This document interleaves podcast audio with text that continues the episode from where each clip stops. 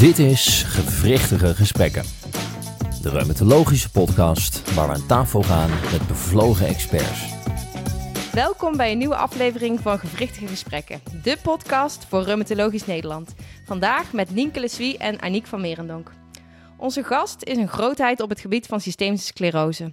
Ze maakt sinds haar promotietraject op een succesvolle manier zich hard voor, de, voor deze patiëntengroep en combineert wetenschap en kliniek dagelijks in het Radboud UMC Expertisecentrum Systemische Auto-immuunziekten. Daarnaast is ze actief betrokken bij de NVLE en ARCH en zet ze haar expertise in voor de NVR en EULAR. Wij willen vandaag alles van haar en systemische sclerose weten en daarom zitten we thuis bij Madelon Vonk. Welkom Madelon. Nou, dankjewel. Wat een mooie introductie. Een hele introductie. Allereerst uh, over het verloop van jouw uh, carrière. Daarin zijn we geïnteresseerd. Want je bent eerst internist geworden en daarna reumatoloog. Hoe is je carrière precies verlopen dat je bij dit uh, zeldzame ziektebeeld bent uitgekomen? Ja, dat is liefde op het eerste gezicht geweest. Ik, um, ik wilde eigenlijk altijd internist worden in een klein perifeer ziekenhuis en alles zelf doen, alles zelf kunnen. Um, maar uh, ja, in de loop van de tijd uh, verandert toch je leven wat. Hè. Je krijgt een kind en je krijgt uh, nog een kind. En um, je kunt het misschien niet meer helemaal bolwerken om het New England Journal, dat donderdagavond thuis in de bus zat, op vrijdagochtend uit te hebben. Mm -hmm. Ik denk van ja, misschien is het toch beter om er wat meer te gaan focussen. En in de loop van mijn opleiding werd ik op een gegeven moment dus in het Radboud geplaatst. Ik heb daarvoor een aantal jaren perifeer gewerkt. En toen mocht ik zelf aangeven waar ik stages wilde gaan lopen. En ik wist eigenlijk niks van reumatologie. Dus ik zei, ik wil naar reumatologie. Mm -hmm.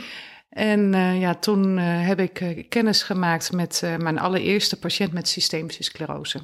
En daar ben ik echt verliefd op geworden van ja, wat een indrukwekkend ziektebeeld, wat ongrijpbaar, wat moeilijk. En ja, hoe moeilijker het is, hoe ja, leuker ik het eigenlijk vind. Um, dus dat was een hele grote verrassing voor me. En toen dacht ik van ja, dan word ik toch meer gefocust dan op reumatologie en niet de hele interne geneeskunde. En uh, ja, ik wil me hard maken voor de systemische auto-immuunziekten en met name dus de systemische sclerose. Ik ben toen zelfs gevraagd om over te stappen in uh, opleiding. En ik heb mijn opleiding tot internist dus net niet afgemaakt. Ik heb alleen een IC-stage niet gedaan. Oké. Okay, ja. En uh, ja, ik heb geen moment spijt gehad, want ik heb echt het mooiste vak. Het allermooiste vak van de wereld. Ja, wat mooi. En uh, dus dat is met name dan het feit dat het zo ongrijpbaar is en ingewikkeld eigenlijk. Ja, ja. en uh, geen twee patiënten zijn hetzelfde. Ja. Uh, je kunt niet alleen maar protocoleren in, en via protocollen en, en werkwijzes werken in systemische sclerose. het vergt heel veel van je talenten. Uh, van je talenten, ook om patiënten uit te leggen wat er aan de hand is, om in te kunnen schatten en mee te kunnen voelen wat voor iemand belangrijk is, om inschattingen te maken wat ja, de beste behandelopties zijn, nou ja, et cetera, et cetera. En ja, ik heb elke dag heel veel inspiratie voor onderzoek, gewoon in de spreekkamer. Hè, van dat zou ik willen uitzoeken of dat zou ik willen uitzoeken. Precies, want uh, um, je doet veel in de wetenschap. En um, wat betekent dat voor jou en heb je dit altijd al leuk gevonden? Nou, als je mij uh, aan het einde van mijn geneeskundestudie had gevraagd: Goh, wil jij de wetenschap in? Dan had ik echt nee gezegd. Dat, uh, dat was niet iets wat ik van mezelf verwachtte. Maar um, als je zo gefascineerd bent door een ziektebeeld, waarbij er zo weinig bekend is en zo verschrikkelijk veel echte unmet needs, met een goed Nederlands woord. Um, ja, dan is uh, wetenschappelijk onderzoek gaan doen eigenlijk wel een, uh, een, een, open deur. Dan, dan ga je dat doen, dan wil je wel bijdragen om dat te verbeteren. Omdat er gewoon zoveel nog te onderzoeken is op dit gebied. Ja, omdat ja. het echt ja. achtergesteld is. Ja. Um, niet alleen wetenschap, maar je zet je ook in voor de patiëntenvereniging. Je bent spreker op bijeenkomsten, je schrijft folders en je hebt zelfs een drie maandelijkse column in het uh, NVLE-tijdschrift. Waarom vind je dit belangrijk? Ja, ik vind dat je samen moet werken met een patiënt en samen moet werken met de patiëntenvereniging. Uh, dat heb ik eigenlijk vanaf het begin van mijn onderzoek al gedaan. Um, uh, ik ben toen, toen ik uh, net met onderzoek was begonnen, ook heb ik kennis gemaakt met de NVLE en heb ik ook een hele tijd een, een column geschreven vanuit de spreekkamer. Dat is ook een vast onderwerp wat ze altijd hebben. Ehm, en ja, ik kwam erachter dat ik blijkbaar ook voor patiënten goed kan schrijven. Ehm, en dat ze het leuk vinden. Patiënten spreken mij ook vaak aan in de spreekkamer over wat ik heb geschreven. En, ehm, en uh, stellen daar dan vragen over. Dus dat vind ik, uh, dat, ja, dat, dat is best wel leuk als je ook ziet dat het gelezen wordt en uh, aankomt. Dat is de ene kant van het verhaal. De andere kant van het verhaal is dat in een ongrijpbare en moeilijke ziekte, waar, zoals systemische sclerose, waarbij ook ja, de prognose gewoon best wel echt slecht kan zijn, is het heel erg belangrijk om uh, ervoor te zorgen dat patiënten over zoveel mogelijk goede informatie beschikken. En ja, de belangrijkste weg is de dokter. Hè, dat weten we uit wetenschappelijk onderzoek. Jij als dokter geeft de meeste informatie. Maar op een goede tweede plek komt de patiëntenvereniging. Dus is het voor mij niet meer dan logisch om met de patiëntenvereniging samen te werken. Ja, ja. Oh, wat mooi dat je je daar uh, zo voor inzet.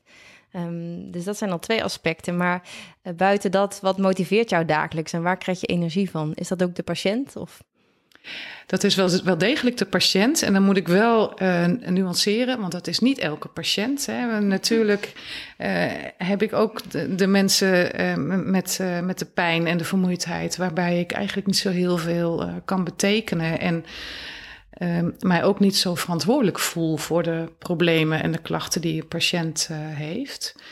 Um, het chronisch vermoeidheidssyndroom, fibromyalgie en dergelijke. Dat is denk ik voor ons allemaal best wel een uitdaging. Dus ook voor mij. Um, maar de patiënt waarbij ik um, het idee heb dat ik uh, duidelijk heb gemaakt wat er aan de hand is en wat een ziekte kan inhouden en uh, waarbij je gewoon ziet in de spreekkamer dat het kwartje valt van, oh, dus dat heeft er ook mee te maken. Oh, dus daarom wil je dat weten. Oh, dus dat is de reden waarom je bepaalde behandeling start. Ja, dat geeft wel degelijk energie. Lijkt en de ook, dingen. ook ingewikkeld. Als het voor ons al ingewikkeld is, dan moet dat voor de patiënt helemaal zijn, lijkt me. Zeker, ja. dat is het ook. Ja. Dat moet je ook altijd blijven realiseren. En ook dus herhalen, herhalen en nog eens herhalen als dat nodig is. Ja. Ja, en iets anders wat energie geeft is toch echt het wetenschappelijk onderzoek. Het samenwerken met de onderzoekers. Het samenwerken met, uh, met de trial nurses voor sponsor-initiated onderzoek. Als er weer een artikel wordt gepubliceerd of als er uh, een beurs uh, valt. Nou, dat zijn allemaal dingen waar je gewoon echt heel blij van wordt. Dat geeft een boost. Ja. En hoe ziet je week er dan uit qua kliniek, wetenschap? Ik doe vrij veel patiëntenzorg. Uh, dus ik heb uh, in ieder geval elke week twee volledige polies. En volledige polies bij ons zijn echt van, uh, van 1 tot 5. En dat zijn ingewikkelde patiënten. Dus daar ben ik echt met één poli ben ik een hele dag bezig met voorbereiden en nabereiden. dus dat is zijn twee dagen patiëntenzorg. En dan is woensdag is mijn onderzoeksdag. Dan heb ik wat meer ruimte om ja, na te denken vooral en te schrijven. En, um, en dan heb ik uh, op donderdag uh, in ieder geval een telefonisch spreekuur gedurende de helft van de ochtend. En om de week uh, supervisie van drie polies tegelijkertijd. En dan donderdagmiddag is meer klusjes en nog wat onderwijs geven, wat besprekingen. ja, vrijdag is mijn vrije dag. En hoeveel tijd heb jij voor een controle met de patiënt met systeemsclerose? 20 minuten. Ja. Nou, al iets meer dan de 15, maar nog dat, steeds denk dat ik. Dat is uh, zeker pittig. meer dan ja. de 15, maar het is nog steeds heel erg krap. Doorwerken. Ja, ja. ja. En wat vind je naast het werk belangrijk in het leven? Gezin. Ja, dus uh, uh, ik heb een uh, samengesteld gezin met vijf pubers. Uh, waarvan er inmiddels drie uh, uh, veel uit huis wonen, helaas. Dat vind ik wel heel jammer, want ik, ik vind het heel gezellig om zo om te gaan met, met die jonge volwassenen en die pubers. Um, en sporten. Ik ja, kan niet zonder sport. En verder vind ik het ontzettend leuk om op stap te gaan. Ik zeg altijd van ja, als ik, als ik thuis ben, blijf ik werken. Maar als ik echt wegga, dan kan ik het ook echt achter me laten en loslaten. En ben de afgelopen dagen ook lekker een lang weekend naar Parijs geweest, bijvoorbeeld. Oh, en heerlijk, de plannen ja. voor de volgende lange Ja. weekend, voor het volgende lange weekend is ook alweer gemaakt. Ah, goed. Ja, want we zitten vandaag in Nijmegen, maar dus ook buiten Nijmegen. Lekker weekendje weg. Zeker. Ja, ja. En je hebt uh, onwijs veel gepubliceerd, uh, 260 uh, publicaties. Je vertelt, je zet je in, ook voor de patiëntenvereniging, en, maar je houdt ook van het gezinsleven. Hoe combineer je dit allemaal? En hoe hou je jezelf in balans? Ja, dat is een uit, uitdaging. En dat, uh, dat is een uitdaging die je je hele leven blijft houden. Dus jullie zullen er ook mee te maken hebben. En ja, ik dus meer richting een senior dokter dus ook. Um, het is heel erg belangrijk dat je zorgt dat jij die dingen ook doet waar je energie van krijgt. En wat je ja, laat opladen. Nou, voor mij is het belangrijkste daarin is echt het sporten maar een andere is uh, de, ja, de sociale dingen. Uh, met, uh, met mijn vriend uit eten of met vrienden aan tafel of borrelen, dat soort dingen. Um, en het is heel erg belangrijk dat je er af en toe ook gewoon een eind aan breidt en die computer uitzet en de telefoon uitzet. Ja, en sport voor laat gaan. En ja. sport voor laat gaan. Als je weet dat er tussen aanhalingstekens niemand doodgaat als jij nu even stopt, dan moet je ook gewoon nu even kunnen stoppen. ja. ja. Ja, ja mooi. En heel belangrijk, dan mag je verder naar je volgende vraag. Ik heb geen achterstand. Met? Dus ik heb geen achterstand in patiëntenzorg. Ik heb geen achterstand in brieven. In administratie bedoel je? Ik heb, Nee, ik heb geen achterstand in administratie, maar ook niet in patiënten die je moet bellen. Of uh, nee, het is bij mij allemaal op orde. En dat is makkelijker vol te houden uh, dan als je continu met achterstanden zit. Zorgt voor een leeg hoofd, denk ik. Ja. ja. ja. En, en hoe, hoe zorg je voor geen achterstand? Door eigenlijk denk ik dagelijks je werk af te maken. Klopt, door dagelijks je werk af te maken. En uh, dat betekent dat je een keuze maakt na een spreekuur of, of je dan uit gaat werken uh, en dan pas naar huis gaat. Of dat je eerst naar huis gaat en wat leuks gaat doen of koken en eten en dan nog een keer de computer aanzetten. Maar dat doe ik dus wel. Ja. ja. ja. Ik denk dat het tijd is voor het hoofdthema systemische sclerose. En het eerste gedeelte willen we graag opdelen in uh, diagnose en daarna behandeling. Allereerst, uh, we hebben het fenomeen van Raynaud, VEDOS en, en ook daadwerkelijk de diagnose systemische sclerose. Kun je misschien nog kort toelichten VEDOS en systemische sclerose? Ja, zeker. VEDOS betekent Very Early Diagnosis of Systemic Sclerosis. En uh, je moet dat zien als dat dat voor een gedeelte van de patiënten een voorstadium is van systemische sclerose. En bij sommige patiënten uh, is het gewoon al systemische sclerose.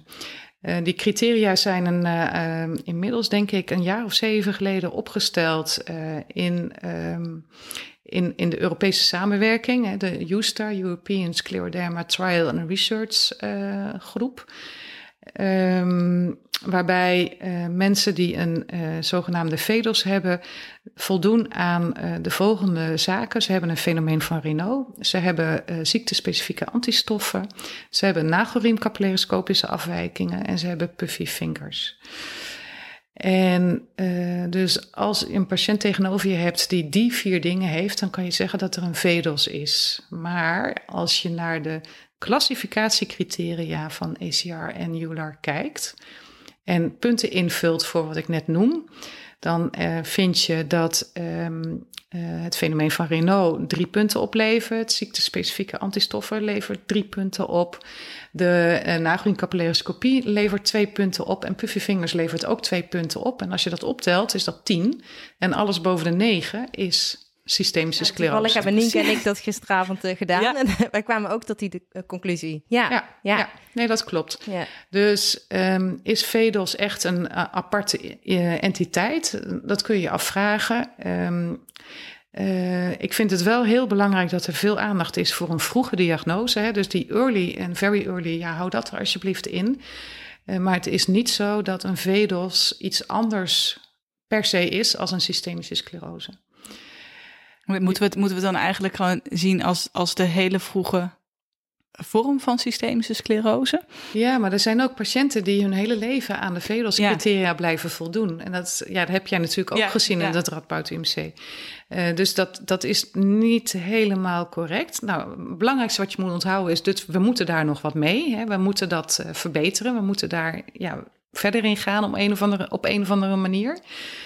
Um, maar je weet ook dat de diagnose systemische sclerose een klinische diagnose is. Hè? En ik heb het nu over de klassificatiecriteria ja. van de ACR en de ULAR.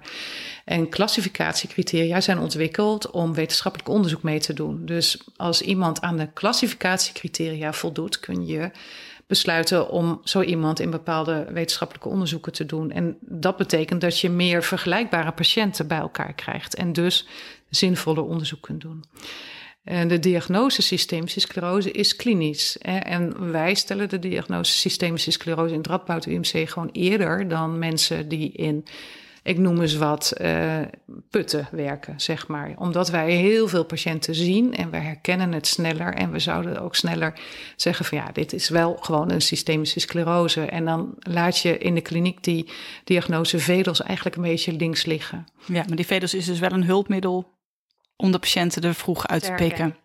Ja, wat ik belangrijk vind en wat ik hoop uh, dat, dat mensen na deze podcast ook onthouden, is dat als je iemand hebt die een nieuw fenomeen van Renault heeft en een nieuwe puffy fingers, dat je dan twee dingen moet doen. Dat is antistoffen prikken en een nagelcapillaroscopie doen. En op het moment dat je daar de uitslagen van hebt, ja, krap dan eens achter je oren. En als je het niet weet, bel dan iemand die het misschien wel weet. En als ze geen puffy fingers hebben, dus de patiënt met Renault, uh, en laten we zeggen een ANA-positiviteit. Wanneer, welke patiënt loopt nou het grootste risico om zich te ontwikkelen tot systemische sclerose en wie moeten we nu vervolgen? Daar is uh, onderzoek naar gedaan door uh, Keunig en, en, en een hele groep. Dat is onderzoek wat wel al wat ouder is. Ik weet het jaartal niet meer uit mijn hoofd, maar ergens in de negentiger jaren. Een heel groot cohort is er naar gekeken in Duitsland. ze zijn echt met een soort bus de, de de stad ingegaan en hebben mensen met een fenomeen van Renault uh, geronseld. Die hebben ze geprikt voor een ANA en ziektespecifieke antistoffen. En ze hebben een nagelingcapillaroscopie verricht, waarbij de uitkomsten van die nagelingcapillaroscopie nog niet hetzelfde waren als wat wij nu gebruiken. Maar je kunt wel uh, lezen wat ze hebben gezien.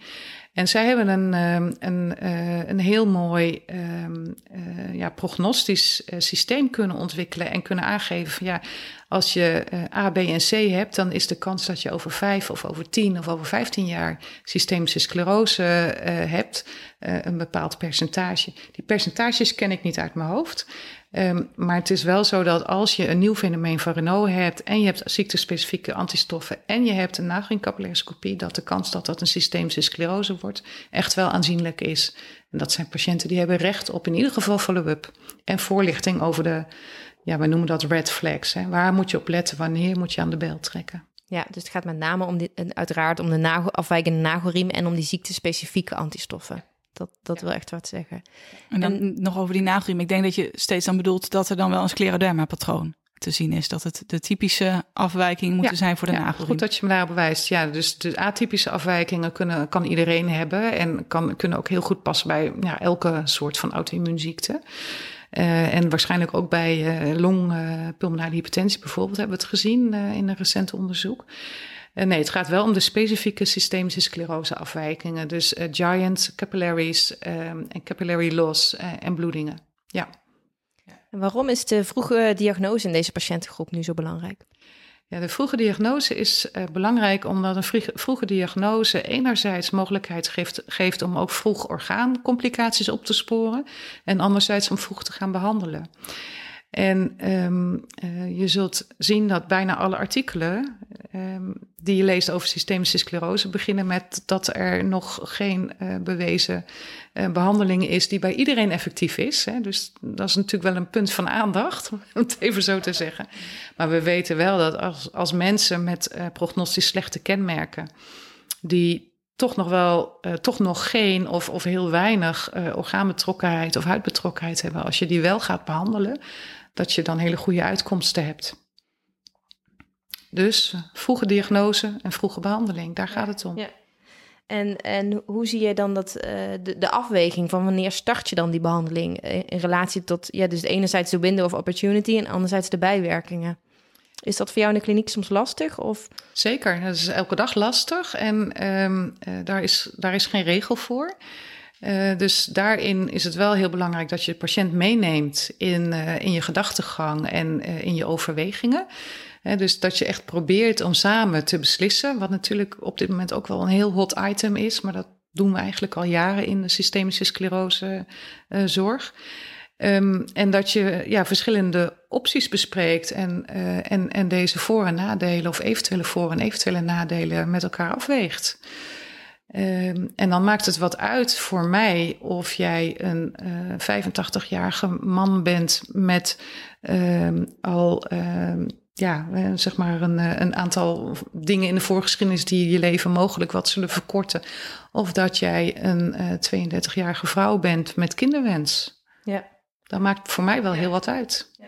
En ook in, in de uitleg natuurlijk. Ja. is best ingewikkeld.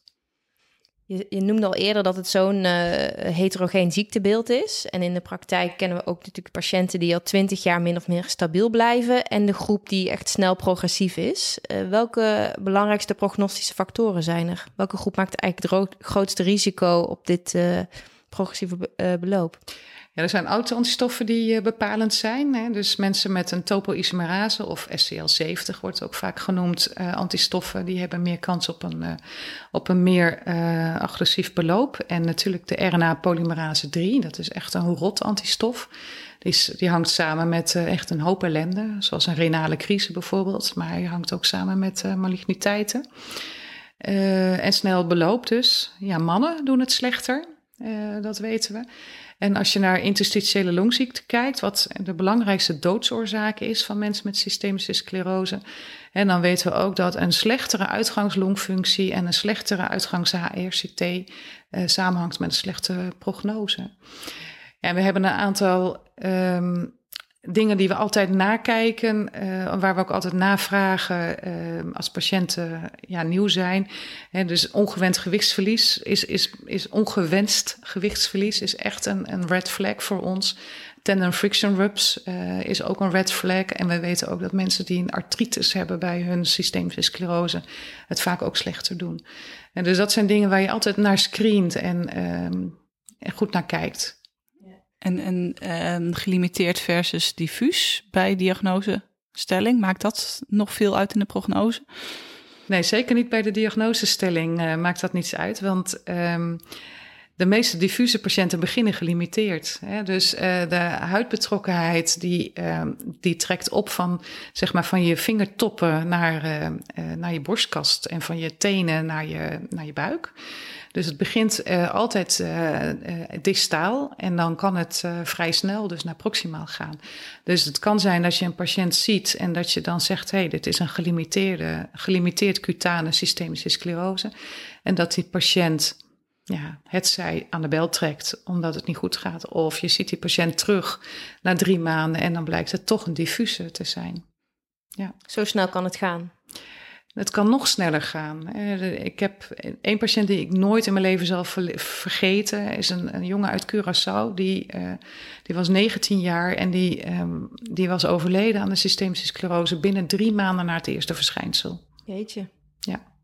En, en die, had een, uh, die, die was bezig met een stamceltransplantatie. Maar uh, ja, dat heeft hij niet, nou, niet overleefd. Ja. Um, ja, dan nog pulmonale hypertensie, want dat is ook een van je aandachtspunten. Uh, wanneer denk je daaraan en hoe screen je daarop? Ja, je moet eigenlijk altijd denken aan pulmonale hypertensie. Pulmonale hypertensie is een complicatie van systemische sclerose. Het is niet een extra ziekte, het is een complicatie. En we weten dat ongeveer 10% van de patiënten met systemische sclerose pulmonale hypertensie krijgt. Uh, dat is eigenlijk de prevalentie, want de incidentie is wat lastiger. Uh, dat, dat is heel moeilijk te onderzoeken, maar in Frankrijk hebben ze dat geprobeerd en het blijkt, lijkt ergens rond de um, ehm, 3% per jaar te zijn. Um, ik denk daar aan uh, op het moment dat een patiënt aangeeft toch een afgenomen inspanningstolerantie te hebben of meer vermoeid te zijn of zoals heel vaag niet lekker in het veld, in zijn vel te zitten. Um, en ja, we moeten echt alle patiënten die we hebben daarvoor elk jaar screenen. En dat screenen doen we door jaarlijks longfunctieonderzoek.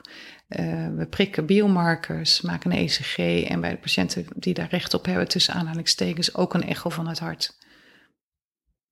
Bedoel je tussen aanhalingstekens? Uh, recht op hebben. Uh, ja, nou ja, je kunt je afvragen of elke patiënt altijd elk jaar een echo van het hart moet krijgen.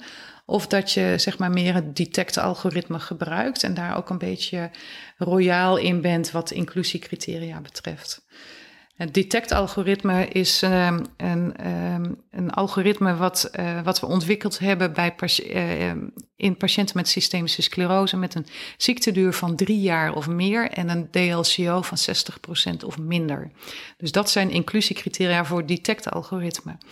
En er zijn een aantal studies uh, later gedaan waarbij uh, ook gekeken is naar, naar een ziekteduur van ja, lang of minder dan drie jaar. En een DLCO die hoger is. En dan komt het eigenlijk ongeveer hetzelfde uit. Dus vandaar dat ik zeg van ja, wees daar een beetje coulant in. En ja. misschien kun je dat wel voor iedereen gebruiken. En, en, ik weet niet of alle luisteraars de tekst direct uit hun hoofd kennen, want je, je moet er wat voor prikken en dan. Uh, uh, hoe werkt die ook alweer? Ik denk zeker dat niet iedereen die tekst uh, uit zijn hoofd kent. Maar er is wel een hele mooie app voor, gratis app. En die kun je vinden door in te to toetsen Detect, D-E-T-E-C-T en dan P-H-A. Dan vind je hem vanzelf. Het detect-algoritme is um, um, een uh, ja, evidence-based algoritme. En daarbij moet ik nog zeggen dat alle patiënten die in dat onderzoek hebben gezeten, uh, onafhankelijk van de uitkomsten van het vooronderzoek, een hartkatheterisatie hebben gekregen. Dus we weten het echt zeker. Um, bestaat uit een aantal klinische parameters en, een, en echografische parameters. En wat je ervoor nodig hebt is, uh, je moet weten of iemand teleangiectasie heeft. Je moet uh, weten of iemand anticentromeer-antistoffen heeft. Je moet een uh, uraat en een NT-proBNP weten. Je moet een ECG hebben om te kijken of er een rechterasdraaiing is. En dat vul je allemaal in. Oh, sorry, en een longfunctie natuurlijk. Een vitale capaciteit en een diffusiecapaciteit. Dat vul je allemaal in en dan kom je op een uitkomst. En die uitkomst geeft vervolgens aan of je wel of geen hartecho moet maken. En bij die hartecho kijk je dan naar de, het rechte atriumoppervlak en um, de tricus pedalis uh, terugvloedsnelheid. En dat vul je dan ook in en dan krijg je een advies om wel of geen rechte hartkatheterisatie te verrichten. Eigenlijk een twee-staps raket uh, uh, ja. proces. Ja, ja. Heel goed. Um, uh, het is natuurlijk heel divers, dit ziektebeeld. En wij dachten, misschien kunnen we een paar orgaansystemen eruit pikken... om eens nog nader uh, te hebben over de behandeling. Want allereerst uh, de huid. En wij dachten al snel aan metotrexaat en MMF, mycophenolaat mofetyl. Kun je zeggen wat je voorkeur heeft en, en waar eigenlijk de meeste evidence voor is? Um, ik ben het daarmee eens, hè, MMF en uh, metotrexaat. Metotrexaat uh, heeft bewezen effect op huidbetrokkenheid uh, en op algemeen welbevinden. Onderzoek van, uit Nederland hè, door professor Van der Hogen uh, maar ook uit Canada van uh, Janet Pope. Maar uh, ik moet je eerlijk zeggen dat ik niet heel erg onder de indruk ben van de doseringen die daar gebruikt zijn. En ook niet heel erg onder de indruk ben van, van het ehm, behandeleffect. En dat heeft waarschijnlijk dus met die dosering te maken. Wat, wat voor dosering hebben we het? Maximaal 15 milligram. Okay. Ja, ja, dus dat is wel een beetje laag, zouden we nu zeggen. Um, en dan MMF. Uh, ja, het uh, bewijs van MMF is eigenlijk allemaal circumstantial. Uh, omdat um, er is bewijs voor cyclofosfamide, wat huidbetrokkenheid betreft. En dat heb je niet genoemd. Um, en dan is het bewijs van cyclofosfamide eigenlijk het orale cyclofosfamide, wat ze in Amerika gebruiken. En het bewijs van MMF komt eruit voort dat er een, een niet... Um, even kijken, hoe noem je dat ook weer? Dat het niet slechter is dan cyclofosfamide. Dat het niet inferieur is. Ah, non-inferiority. Non Precies, dat was hem. Uh, dank je, Nienke. Um, dus dat is het onderzoek wat uh, het bewijs voor uh, celcept MMF, mofetyl mycophenolaat, heeft gegeven. Mijn voorkeur heeft MMF, zonder meer. Um, ik denk uh, dat als je dat um, non-inferiority gebruikt, bewijs gebruikt, dat je ook kunt zeggen dat er een uh, verbetering van de overleving is met het gebruik van MMF. En dat is niet bij metotrexaat. En start je bij iedereen met huidbetrokkenheid, tenminste dat is natuurlijk een onderdeel van de diagnose, maar al direct met MMF dan meestal in jouw geval? En nee, ik start niet bij iedereen en ik start ook niet altijd met MMF. Nee, dat ligt toch ook wel echt aan de patiënt zelf en aan, uh, en, en aan wat de wensen zijn. Ehm, zoals jullie weten zijn er ook patiënten die een uh, hele gelimiteerde huidbetrokkenheid hebben en houden hun hele leven.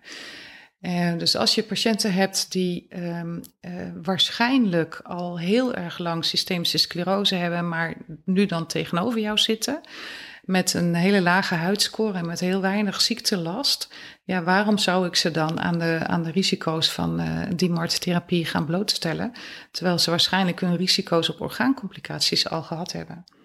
Ja. Want die zie je met name in de eerste. Ja, de, de, meest, de meest heftige en snel progressieve uh, vormen van interstitiële longziekte, uh, bijvoorbeeld, zie je met name vroeg in de ziekte. Maar dat kan ook later in de ziekte.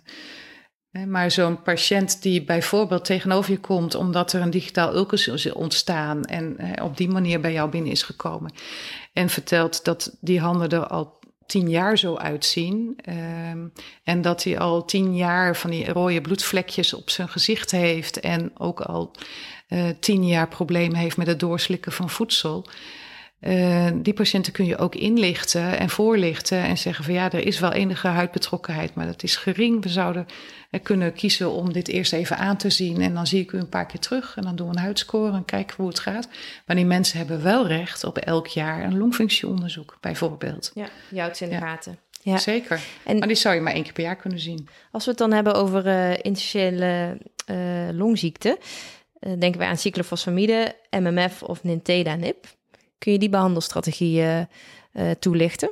Um, ja, de behandelstrategie zou, uh, wat mij, is wat mij betreft eerst MMF, hè, omdat dat uh, oraal is, um, blijkt niet inferieur te zijn aan uh, cyclofosfamide, maar is wel makkelijker en wordt over het algemeen ook beter verdragen. dus daar starten wij mee, zeker in het, in het Radboud UMC. Um, ehm, wij beoordelen patiënten met een ILD, een significante ILD, tenminste elke drie maanden. Um, dus he, die mensen worden echt elke drie maanden gezien. Als het een nieuw ILD is, hè, ik zie jou een beetje fronsen. Nee, zit te kijken met HRCT, nee, nee, nee. Long, alleen longfunctie, denk ik. Ja, ja. ja. ja nee, ik ga okay. niet, elke drie maanden een HRCT. Dat lijkt mij ook niet uh, handig. Hoewel er tegenwoordig wel CT-technieken zijn die veel minder straalbelasting geven. Hè. Dus uh, ze kunnen echt met een low dose uh, CT ook HR-koepels maken nu. Maar dat doen we niet. We, we doen inderdaad een longfunctie en um, um, je, je, beoordeelt je behandeling um, ja, na tenminste drie maanden. De meeste mensen hebben even tijd nodig om uh, CellCept ook op te bouwen, MMF, MMF ook op te bouwen. Dus de meeste mensen hebben pas na een maand een volledige dosis. En nou, dan zou je dus pas na vier maanden kunnen beoordelen of het uh, effectief is. En wat is effectief? Dan moet de longfunctie niet verder achteruit gaan. Daar komt het stabiliseert, ja. Het stabiliseert. Ja. Um, is, dat, is dat zo, dan ga je door. Is dat niet zo, dan zou je kunnen overwegen om over te stappen naar cyclofosfamidepulsen. Um, nou, daarvan hebben wij in ons ziekenhuis vrij veel onderzoek gedaan en weten we dus ook dat dat wel degelijk effectief is en dat je daarvoor zes maanden moet wachten om te zien of het uh, wel of niet uh, succesvol is. Um, en als mensen na zes maanden reageren op cyclofosfamide, dan is het advies om dat twaalf maanden door te zetten en dan uh, onderhoudsbehandeling met celcep te geven. En dan heb je nintedanib, dat is een heel ander soort middel. Want die eerste twee, dat zijn uh, natuurlijk immunomodulatie, uh, is immunomodulatie. En nintedanib is een fibroseremmer. En um, nintedanib heeft in um, ook een hele grote internationale studie aangetoond om de, achter, om de snelheid van de achteruitgang van de longfunctie bij systemische sclerose geassocieerd ILD te kunnen vertragen. Dus uh, het is niet iets wat een verbetering van je longfunctie gaat opleveren, maar het uh, vertraagt de verslechtering en daarmee verbetert de kwaliteit van leven. Als je, mits je het toevoegt? Ja, nee, het kan ook als monotherapie. Um, dus uh, in, in die studie waar ik net naar refereerde, de Census-studie, uh, is allebei onderzocht, met en zonder uh, celcept. Het is niet onderzocht in combinatie met cyclofosfamide. Um, en bij um, die studie was het effectief zowel bij mensen die wel als die geen uh, celcept gebruikten. Dus je kunt het ook als monotherapie geven. Alleen de boodschap is, en dan hoop ik dat jullie ook willen uh, kijken naar het uh, standpunt ehm, over fibroseremming, wat uh, de, een aantal leden van de NVR en de NVALT samen hebben geschreven. Um, het, het, het eerste, de eerste behandeling moet wel zijn immunomodulatie. En uh, ja, wij voegen inderdaad nintedanib toe. En wanneer voegen we dat toe? Ja, als mensen echt geen um, longfunctie kunnen verliezen. Dus als mensen binnenkomen met al een hele belabberde longfunctie, ja, wacht dan niet, maar geef gelijk alles, is mijn advies. En als mensen ondanks uh, ja, adequate immunomodulatie toch nog langzaam achteruit blijven gaan of meer klachten blijven krijgen of uh, de CT-scan gaat ook weer achteruit, dan uh, heb je alle ruimte om nintedanib toe te voegen. Zijn dit misschien dan ook wel de patiënten die naar de academie zijn gaan? Zeker, zeker de, als, dat zijn de patiënten die naar een expertisecentrum voor ILD moeten of naar een expertisecentrum voor systemische sclerose. Ja. Daarom lijkt toch dat we niet geheel overtuigd zijn van die Nintedanib om die op een vroege fase alleen in te zetten. Um, nou, dat heeft heel veel te maken met hoe jij denkt dat uh, die uh, longafwijkingen ontstaan bij mensen met systemische sclerose. En um, ja, ik ben ervan overtuigd dat die uh, ontstaan, dat dat ILD ontstaat als gevolg van de inflammatie. En um, ja, dan is het ook heel logisch dat je eerst probeert om de informatie te behandelen.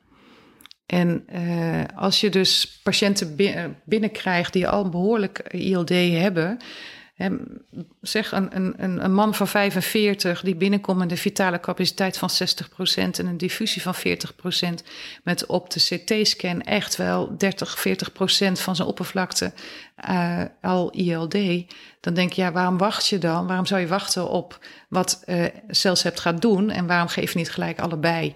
Wel met enige tussenpozen, zodat je kunt zien waar bijwerkingen vandaan komen. Maar dat treat to target, wat we bij reumatoïde artritis al heel lang doen, dat moeten we eigenlijk hierbij ook doen. En gelukkig zijn, we dat, uh, zijn de longartsen daar ook al een beetje aan gewend aan het raken. Want die wilden eerst echt het ene en dan pas het andere. Maar uh, pulmonale hypertensie is ook upfront combination therapie tegenwoordig. Dus gelukkig hebben we daar wat meer ruimte voor. Ja.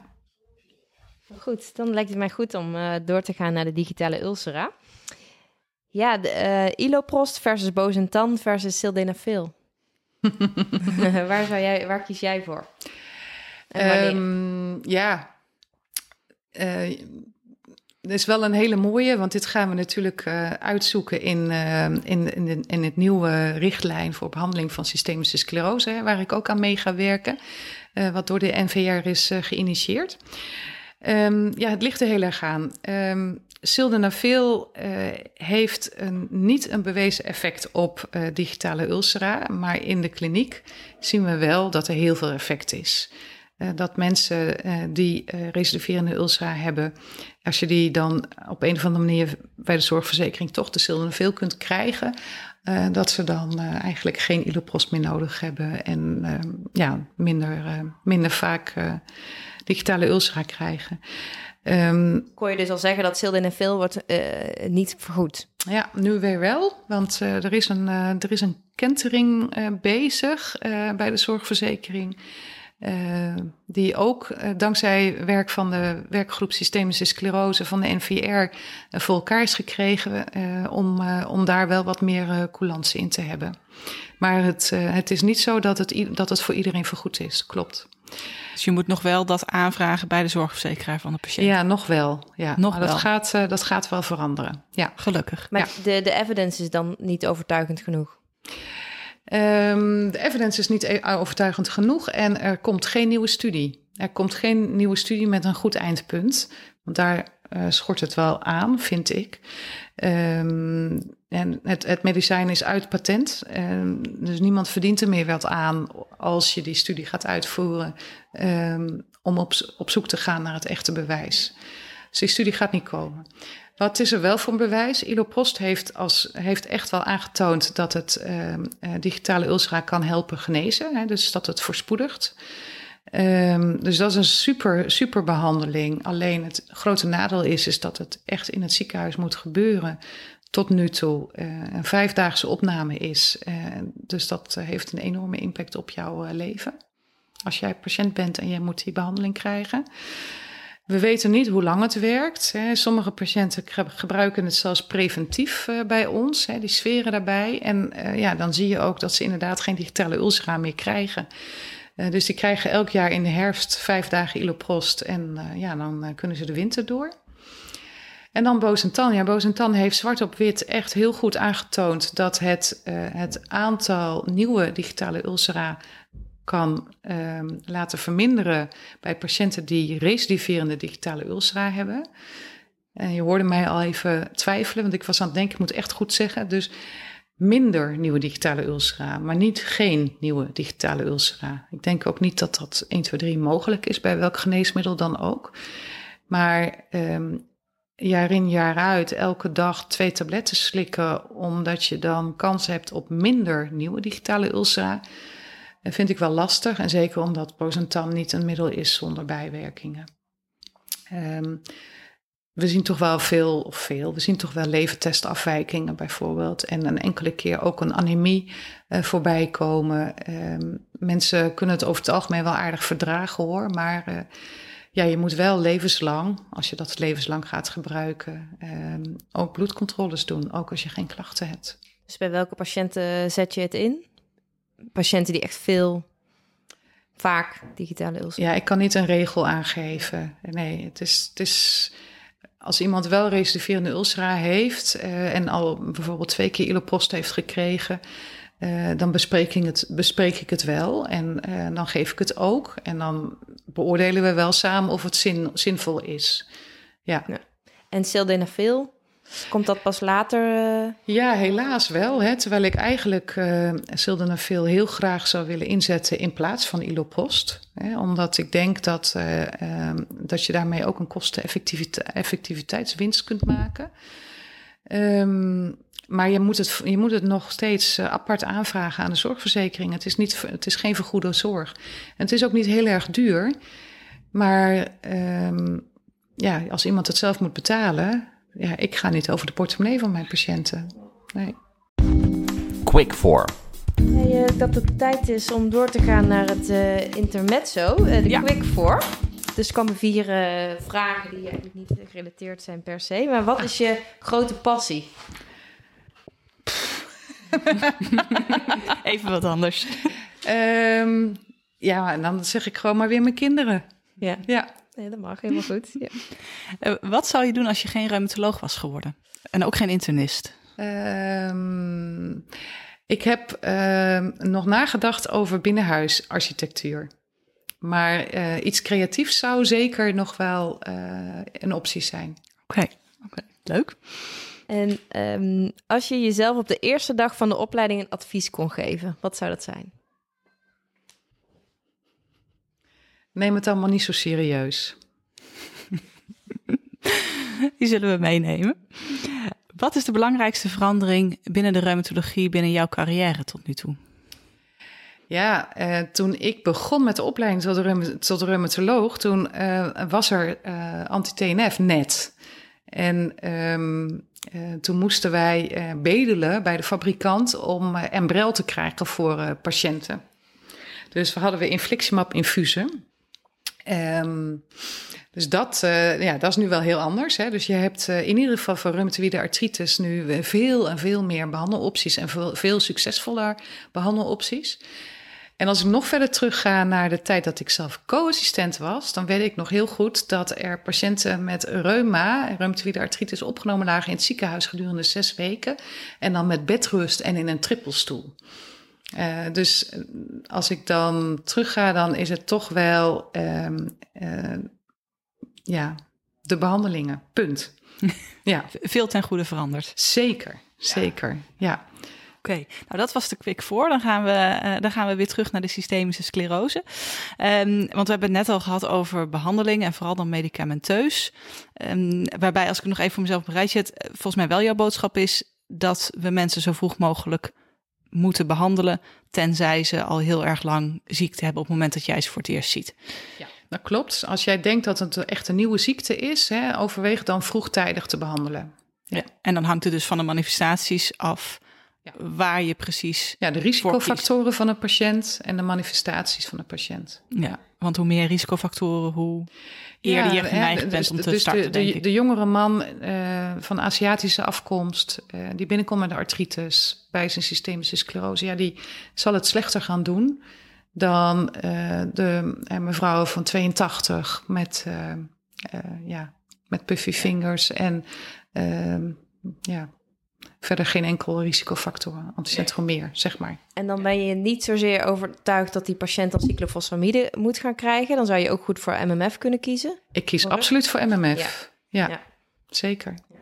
Ja, want ik heb natuurlijk eh, een poosje op jouw poli gedaan en het Radboud inderdaad heel veel MMF tegengekomen. Ja, ja, ik heb Ja. geen, ik heb geen aandelen. En nog even voor de praktijk, want twee keer 1000 milligram eh, per dag. Nee, eh, vaak je- ook wel twee keer 1500. Ja. Dus eh, het ligt een beetje aan. eh, kijk, we weten niet eh, of twee keer 1500 beter is dan twee keer 1000. Hè. Dat zeg ik onmiddellijk bij. Dat onderzoek is niet gedaan. Ehm, ehm, dus wat ik probeer is bij mensen die een slechte prognose hebben, dus snel progressieve huidbetrokkenheid bijvoorbeeld, tendon friction rubs, ILD wat er al bij het begin al is of progressief is, dan probeer ik naar twee keer 1500 te gaan. Maar als dat niet verdragen wordt en twee keer 1000 wel, dan ga ik daar naartoe terug. Ja. Ja, dus het is opbouwen en daarna zoeken naar de eh, dosering die iemand verdraagt. Hè? Ja, ja.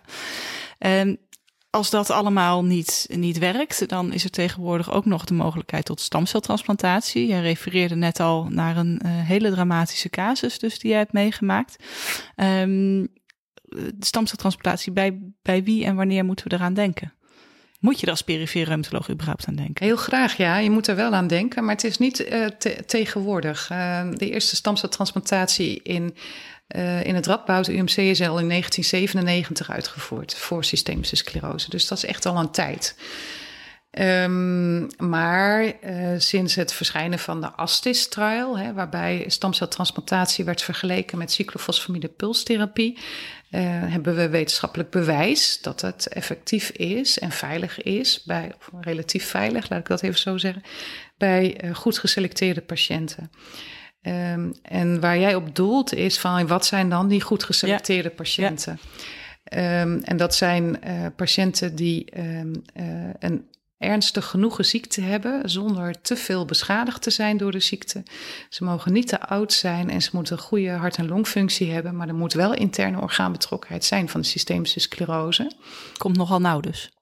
En ze moeten een diffuse huidbetrokkenheid hebben. Het komt nogal nauw, ja. Ja, Ja, want wat, Ja. wat kun je een, een voorbeeld patiënt schetsen van eh, wie dus in aan wie slecht genoeg is, maar nog niet te slecht? Want daar Ja, zeker. Ehm, eh, want dit zijn natuurlijk veel patiënten die ook naar ons worden Ja. verwezen. En ga er vooral mee door als je dit hoort. eh, want dat, eh, ehm, daarin kunnen we echt wel, hebben we echt een me- meerwaarde. Ehm, ik schets de, eh, een mevrouw die toevallig kort geleden opnieuw op mijn poli is geweest en die niet naar de stamceltransplantatie door is gegaan omdat het niet nodig was. Maar waar ik dus echt heel erg bang voor was dat dat wel zo was. Een mevrouw van 52 jaar met eigenlijk een blanco voorgeschiedenis. Die ehm, toen ze bij ons kwam eh, drie maanden ongeveer een fenomeen van Renault had. En daarvoor bij een internist was geweest. De internist heeft doorverwezen naar ons. Ehm, en toen zij bij ons kwam, had ze al een diffuse huidbetrokkenheid, eh, maar wel met een lage huidscore, een score van 12. Ze had een, ehm, een, een longfunctie die net niet normaal was, dus een eh, vitale capaciteit van, ja, ik denk ongeveer 90% van voorspeld en een DLCO van zeg 70% van voorspeld. En op de HRCT-scan had ze een eh, heel gering ILD. Ehm, met minder dan 20% van het longoppervlak eh, wat aangedaan was. Ehm, ze had ehm tendon friction rubs, maar geen artritis. En ze had een eh, gering gewichtsverlies bij presentatie, zonder dat ze daar haar best voor deed. Ehm, en dat was eh, tussen de 5 en de 10 procent van haar lichaamsgewicht. En die mevrouw die hebben we voorgelicht, hebben we uitleg gegeven en die hebben we uh, Mofetyl microfenolaat voorgeschreven, opgebouwd naar 3 gram. En die hebben we vervolgens elke zes weken teruggezien. En uh, ik denk dat jij haar ook een aantal keer hebt gezien. Nou, ik herken in ieder geval het, het stramien. Uh, ja, ja. Uh, dus, dus dit soort mensen zien we echt, echt vaak terug. En um, dit is zes weken geweest, maar we doen soms ook wel vier weken. Dus uh, denk dan niet dat ik gek ben geworden, want daar denk ik dan echt wel over na. Uh, deze mevrouw hebben we elke zes weken teruggezien. En bij het, uh, het tweede bezoek was een progressie van de huidscore. en het derde bezoek was dus ongeveer drie maanden na het eerste bezoek. Was er weer een progressie van de huidscore en een lichte achteruitgang van de longfunctie. En toen heb ik het gesprek over een stamceltransplantatie met haar gehouden. Um, en um, um, vervolgens is haar echtgenoot bijna flauw gevallen in de spreekkamer. Dat zal ik ook nooit vergeten. Dat was de eerste keer. Die was zo onder de indruk van mijn verhaal dat, dat hij, uh, ja, dat, hij, dat hij het echt even niet meer zag zitten. En uh, die mensen hebben er zelf voor gekozen om toch nog één keer af te wachten. Dus zes weken later zijn ze weer gekomen en toen begon het beter te gaan. En begon haar huidscore weer af te nemen. En nou, weer drie maanden later was haar longfunctie uh, gestabiliseerd. Haar huidscore nam af en ze is van de week nog geweest en ze heeft nu een huidscore van twee. Dus zij heeft geen stamceltransplantatie gehad, maar wel heel goed effect van de celcept. Maar, zij was dus... maar dat die huid dus ook zo kan verbeteren. Dus, uh... Ja, en dat laat dus zien dat het ontsteking is wat je behandelt. Bij dit soort patiënten is het echt vooral ontsteking. Dus is het echt de inflammatie. Dus als je de inflammatie weet te stoppen, ja, dan kan er weer heel veel uh, verbeteren. En bij dit soort mensen kan je dus ook een verbetering van de longfunctie vinden als zij uh, ja, in een rustiger vaarwater komen. En denk je niet ook als zij bijvoorbeeld na twee jaar pas bij jou was gekomen, dat dan, dan is die huid niet meer zo reversibel? Kan Zeker niet. Nee. En, en dan was er ook de longfunctie niet reversibel geweest. En dan was het de vraag geweest of ze nog goed genoeg zou zijn geweest voor een, uh, voor een stamceltransplantatie. Ja. En, en hoe lang bestonden daar haar huidbetrokkenheid voordat ze bij uh, jou kwam? Ze had het zelf niet gezien. Okay. Nee. Nee, dus ze had uh, echt... een paar maanden. Die, een paar maanden, ja. ja. ja. Okay. ja dus dat pleit dan uh, ook weer eigenlijk opnieuw voor die vroege diagnose, screening. Ja. En vroege starten ook in dit geval. Ja, absoluut. En, en dus ook vroege doorverwijzing. He, dus als, uh, als jij reumatoloog bent en uh, jij krijgt een, uh, een jonge of een relatief jonge patiënt, waarbij jij denkt dat dat een nieuwe systemische sclerose is, maar je hebt in je praktijk bijna geen patiënten met systemische sclerose en je ervaring is dus gering. Ja, wees dan niet, uh, ja, wees dan niet eigenwijs, zou ik haast willen zeggen. Maar vraag gewoon de mening van een expert en, en ga dan samen behandelen. Want ja, wij, wij doen het meeste in eh, shared care, in gedeelde zorg.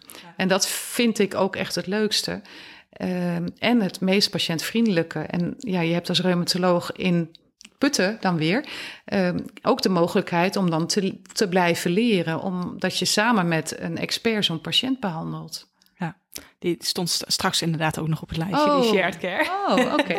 maar nog even terug naar die, naar die stamcel. Want stel, eh, die mevrouw die jij net beschreef, dat ze toch uh, bij die volgende controle toch progressief was. En ze had gezegd, nou wil ik er toch voor gaan.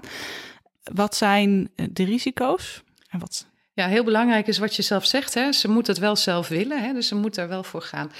Um, uh, de stamceltransplantatie is um, uh, echt een hele effectieve behandeling voor systemische sclerose. Je mag niet zeggen dat het genezend is, maar het geeft wel uh, bij een heel groot percentage van de patiënten een hele langdurige, misschien wel altijd, remissie. Uh, dus dat is de winst die je kunt halen. En de tweede winst die je kunt halen is dat die verbetering veel sneller gaat dan bij medicamenteuze behandeling. Dus um, uh, bij een stamceltransplantatie, drie maanden na de transplantatie, zie je vaak al een enorme verbetering van de huid en de huidbetrokkenheid en longfunctie. Um, en, en dus minder kans om echt fibrose te ontwikkelen. Het risico is uh, dat je sterft aan de behandeling. En de treatment-related mortality in, uh, in Nederland is 8%. Dus 8 van de 100 mensen sterft aan een stamceltransplantatie. En het gevaar zit hem met name in, uh, in het stukje ATG. Dus een stamceltransplantatie bestaat uit twee delen. het eerste is dat je je eigen stamcellen mobiliseert. Dat doe je door cyclofosfamide infusen en daarna door groeifactoren te spuiten. Dan worden die uh, stamcellen uh, met afarese uit je lijf gehaald en vervolgens in het laboratorium geselecteerd. CD34 positieve selectie wordt uitgevoerd. Dat zijn omnipotente stamcellen. En dan ehm, ga jij zelf naar huis om bij te komen van je chemotherapie. En dan een tweede uh, gedeelte van de behandeling, dan wordt er weer cyclofosfamide gegeven, maar dan in een massale dosis.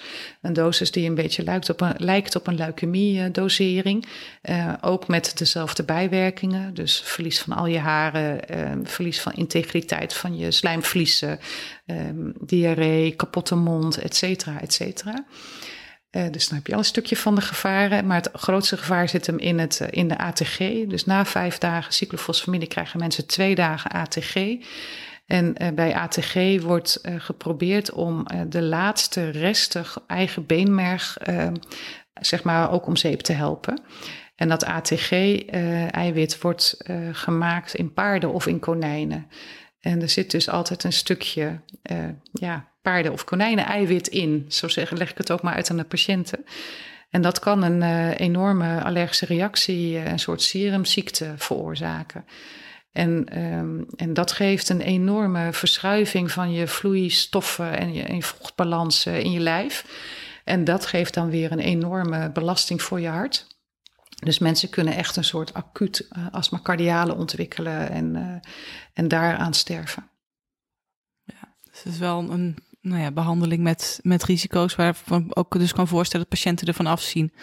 Um... Ja, ik kan het me voorstellen, maar um, ik vind het wel moeilijk als mensen ervan afzien. Uh, als mensen de kans hebben om zo een effectieve behandeling te krijgen, uh, dan vind ik dat altijd heel moeilijk als ze daarvan afzien. Maar ik leg me er wel mee neer. Ja. ja. Ja, ja, dus ook weer die gedeelde besluitvorming. Zeker. Hierin. Zeker. Ja. Ja. En hoe vaak per jaar uh, doen jullie dit? Ja, eh, voor corona tien per jaar. Uh, maar sinds corona een heel stuk minder. En dat baart mij wel heel veel zorgen. Uh, ik denk dat wij ook in deze groep patiënten echt te maken hebben met uitgestelde zorg. Dat er veel mensen, veel mensen niet ehm, uiteindelijk in een ziekenhuis terecht zijn gekomen of bij de juiste dokter terecht zijn gekomen of doorverwezen zijn. Uh, terwijl ze wel eigenlijk uh, een, een, dergelijke behandeling zouden moeten hebben. Ja, of niet vaak genoeg gezien zijn. Ja. ja. ja. Dus op dit moment uh, zijn het er maar vijf of zo per jaar. En er zijn er um, wel een aantal. er zijn ook nog een aantal andere centra die dat doen. Hè? Dus Utrecht UMC doet het sinds, sinds kort, een jaar of twee denk ik. Um, Leiden uh, en uh, Amsterdam. Dus dat zijn de vier centra waar je een uh, autologe stamceltransplantatie kunt krijgen voor een systemische sclerose. Ja, dus ook voor het verwijzen. Goed ook om te weten. Verwijzen. Ja. ja. ja. Um, dan hebben we ook nog een aantal vragen die meer dan zeggen, praktisch van aard zijn voor uh, de reumatoloog in Putten of uh, uh, waar dan ook. Dan gaat het een beetje heen en weer. Maar als eerste, um, prednison gebruiken we natuurlijk ook wel bij systemische sclerose. Maar dan zitten we altijd in ons achterhoofd met gaat dat dan wel goed? Nou weet ik uit de praktijk van het Radboud dat we het wel voorschrijven, maar dan vaak met een ACE-remmer erbij. Kun je daar iets over zeggen? Ja, um, prednison uh, um, doseringen zeker meer dan 15 milligram, die hebben aangetoond een um, uh, verhoging van het risico op het ontstaan van een renale crisis, een scleroderma renale crisis te geven.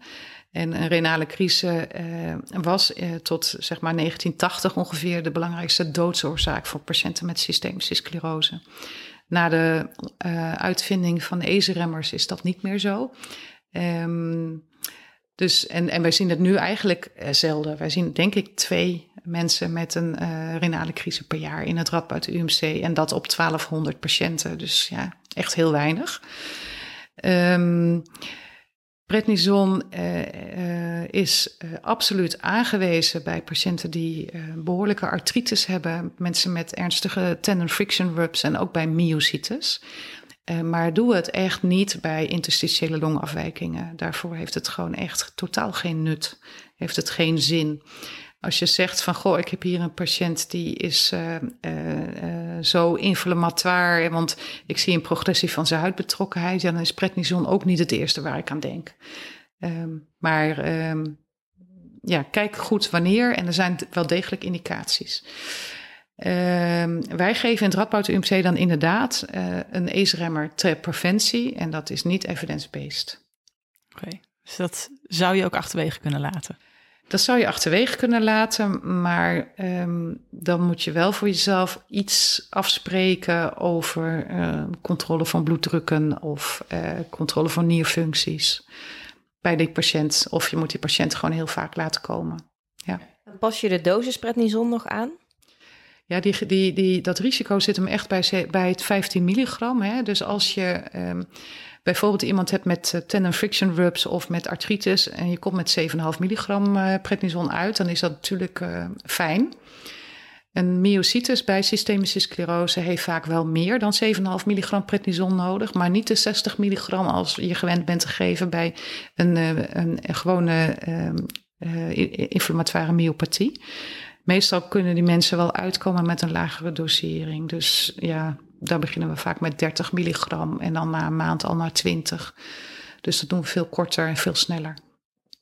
Met dus, dus hetzelfde effect? Of met, effect, met, ja, goed met effect. een goed effect, ja, zeker. Um, net uh, refereerde je ook al aan de shared care. En dat uh, weet ik ook van jou, dat je dat een heel, heel belangrijk onderwerp um, vindt.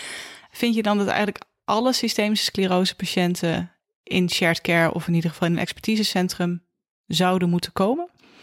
Eerlijk gezegd, als je mij heel diep in mijn hart kijkt, dan vind ik wel dat elke systemische sclerose patiënt in ieder geval één keer recht heeft op een expert. En dan afhankelijk. En dan afhankelijk van uh, uh, wat die expert vindt en wat de, voors, wat, wat de wensen van de patiënt zijn.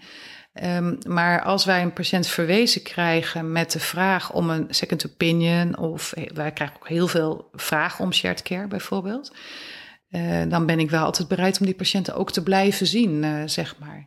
Ja, maar het is niet zo dat uh, als je een patiënt verwijst, dat die per se alleen nog maar een drop-out gezien moet worden. Nee, zeker niet. Daar hebben we ook capaciteit niet voor. We hebben al zoveel patiënten. Ja. En we willen graag zoveel mogelijk patiënten helpen. En dat gaat het beste door patiënten in shared care te zien. En, en die shared care in de praktijk, dan komen ze één, twee keer per jaar in Radboud en dan tussendoor ja. uh, bij de Wat we wel vaak doen, uh, is uh, mensen met een hele vroege diagnose even tijdelijk overnemen. dus wat ik net zei, die mensen die je elke zes weken wil beoordelen of elke, elke drie maanden. En als je dan ziet dat, het, dat ze reageren op de behandeling of ja, dat het meevalt tussen aanhalingstekens, dan, uh, dan, dan ga je die shared care weer inzetten als de verwijzer daar ook mee instemt. Ja, ja en dan komen ze om en dan om. Dan komen ze om en om, ja. ja. ja. ja. En soms maar één keer per jaar bij ons. Hè? Dus mensen die wat ver, verder in hun ziekte zijn, die komen maar één keer per jaar. Dat klopt. Ja. ja. En um, ik maak nu te bedenken, follow-up hebben we nog niet zo besproken. Maar inderdaad, wat ik ook, ook weet, met name van jouw poli in de praktijk, is dat die uh, vroege ziekte, die zie je heel regelmatig. Elke zes weken voor een huidscore. En dan daarna. Ja, elke drie tot vier maanden. Hè. Drie maanden uh, staat in het zorgpad. Hè. We hebben nu nog het, het oude zorgpad geldt nu nog. Daar staat drie maanden in. In de praktijk is dat ook heel vaak vier maanden. En ik denk dat dat ook inhoudelijk niet uitmaakt. Hè, of dat drie of vier maanden is. Um, en als mensen dan een ziekteduur hebben van drie jaar of langer, dan heb ik het wel over de, vooral over de mensen met een diffuse systemische sclerose, dan kun je dat echt wel afbouwen. En we hebben uh, natuurlijk in de coronacrisis ook echt wel geleerd dat we vrij veel op afstand kunnen. Ja. Uh, dus als je dan hè, lab laat prikken en als iemand zijn eigen lijf en zijn eigen ziekte kent, dan kan je ook wel tussendoor een telefoontje doen. En uh, als je het dan niet weet of het is niet pluis, laat je die patiënt alsnog komen. En ik denk dat dat wel een hele effectieve en efficiënte manier is om zorg te verlenen. Ja, dat scheelt natuurlijk enorm uh, uh, in de polydruk. Uh. Ja, en wat dacht je voor de patiënt zelf? Ja. Ik bedoel, als jij in Leeuwarden woont en jij moet naar het Radboud rijden, dan is die hele dag weg. En al die kilometers. Hè, met, uh, met de prijzen van benzine van ja, nu. Ook, ook dus, nog, uh, En je moet een dag ziek melden of je moet een dag uh, vrijnemen voor je werk. Dus het is macro-economisch wel echt, echt slim om ook te proberen alleen maar die patiënten te laten komen die ook gezien moeten worden. Ja. Ja. zoals dat natuurlijk ook voor, voor de andere ziektebeelden geldt. Zonder meer, ja. ja. Um, we zijn al een heel eind uh, op weg. Ik kijk eventjes naar uh, Aniek. Heb ja, jij nog brandende vragen? Nou, misschien nog een korte vraag. Want je noemde al heel even het oude zorgpad. Dus er komt, je zit in een commissie voor een nieuwe richtlijn, nieuw zorgpad. Um, kun je daar al iets over zeggen of wanneer kunnen we die verwachten? Ja, ik kan daar zeker wat over zeggen. Um, ik ben heel erg blij dat onze aanvraag goedgekeurd is. Dus we krijgen ondersteuning van de SKMS. En dat betekent dat, uh, dat enerzijds er echt hulp komt voor uh, het zoeken van, uh, van de literatuur en, en, en, de samenvattingen van de literatuur. en anderzijds dat er hele strakke tijdslijnen komen. Um, het huidige zorgpad wat we nu hebben, dat is een, een pdf van uit mijn hoofd 52 pagina's, waarin je als perifeer werkend toch echt wel moet zoeken naar de informatie die je nodig hebt. Daarbij is het uh, uh, oud, het is uit 2015, dus het uh, heeft... wel helder per orgaan op ja, zich. Ja, oké, maar dat is, kun je ook een leerboek voor pakken, hè? Ja. ja. Um, dus dat, dat, ja, dat, daar hadden we sowieso wel behoefte aan om dat uh, op een of andere manier toch inzichtelijker en makkelijker opzoekbaar te maken.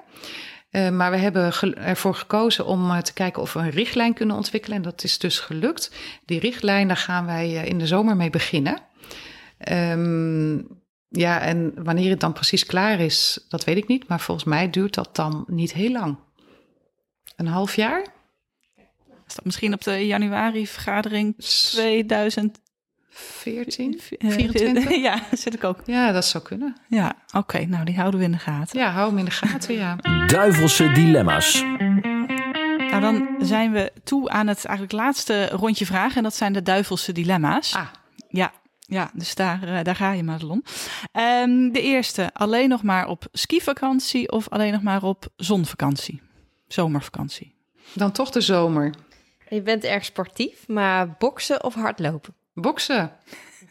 Dat was geen dilemma volgens nee. mij. um, uh, dan toch weer een beetje naar de systemische sclerose. Nooit meer een longfunctieonderzoek of nooit meer een huidscore, een Rotman-score. Man, wat een ding. um,